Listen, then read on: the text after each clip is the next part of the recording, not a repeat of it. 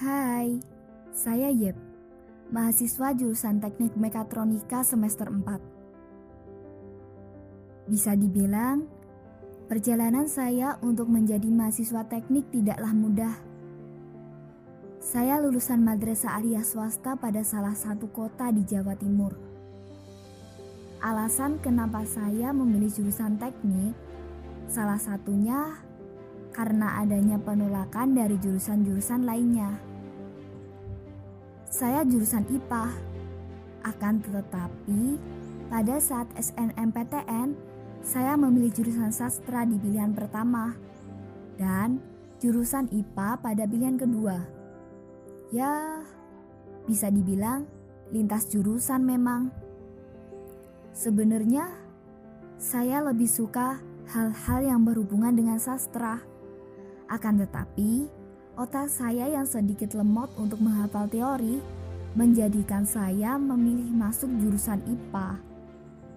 Saya pikir jurusan IPA tidak ada hal-hal yang berbau menghafal dan akan lebih banyak hitung-hitungannya, persis seperti yang saya inginkan. Pengumuman SNMPTN pun tiba. Syahdan, saya tidak lolos.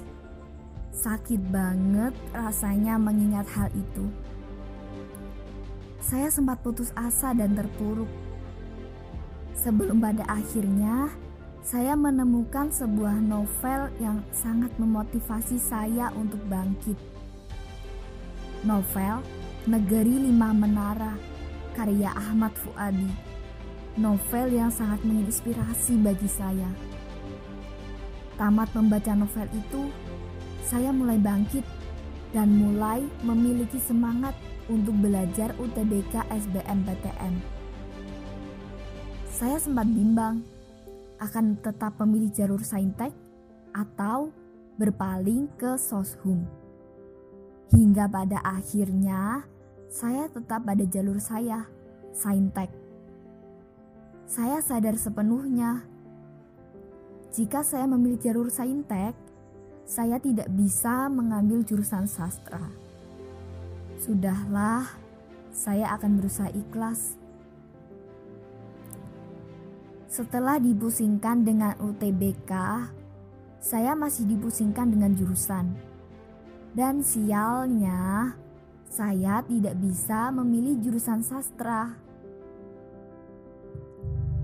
Sementara pendidikan IPA, hmm, bisa sih, tapi saya sadar diri dengan nilai saya yang pas-pasan dan tidak mau apa yang terjadi pada SNMPTN terulang lagi. Hingga pada akhirnya, pilihan pertama saya jatuh pada jurusan teknik mekatronika. Dan pilihan kedua saya jatuh kepada pendidikan informatika.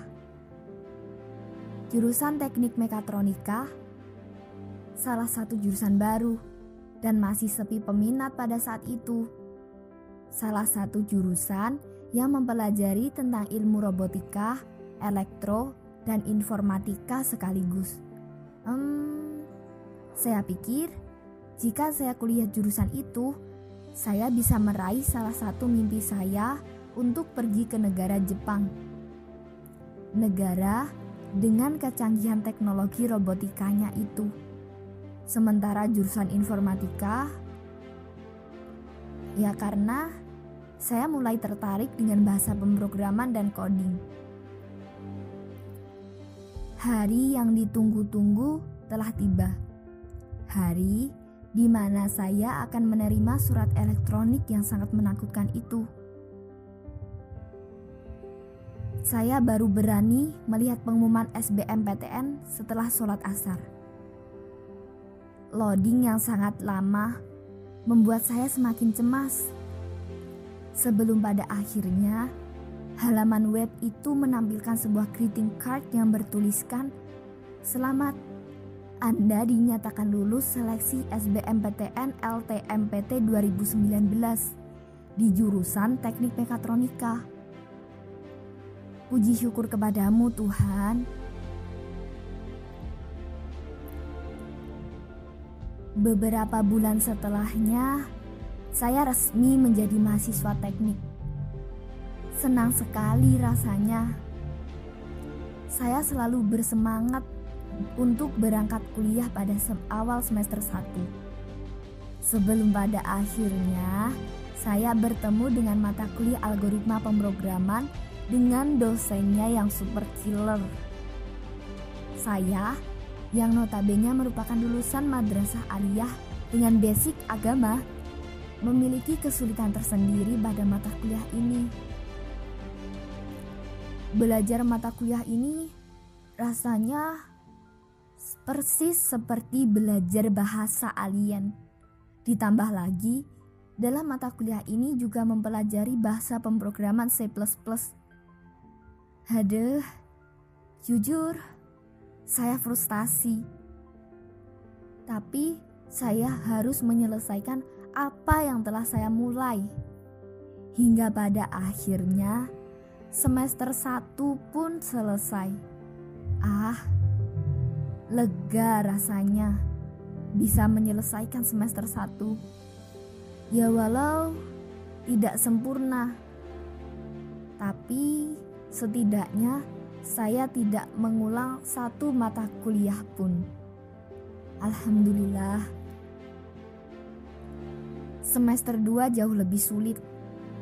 Ditambah lagi adanya praktikum yang membuat saya tekanan batin. Bagaimana tidak? Pukul 00 WIB.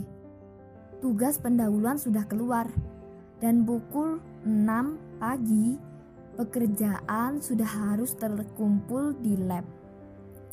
Jadi, saya harus jalan pagi-pagi ke kampus untuk sekedar mengumpulkan tugas pendahuluan itu.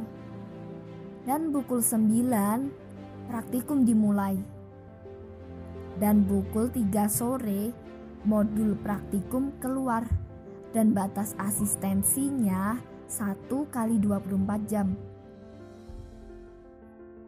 yang membuat saya lebih frustasi, praktikum dilaksanakan pada hari Sabtu dan Minggu. Hal ini membuat saya tidak bisa pulang ke rumah. Mengenaskan. Semua kegetiran ini berakhir ketika pandemi COVID-19 melanda dan kampus lockdown seketika.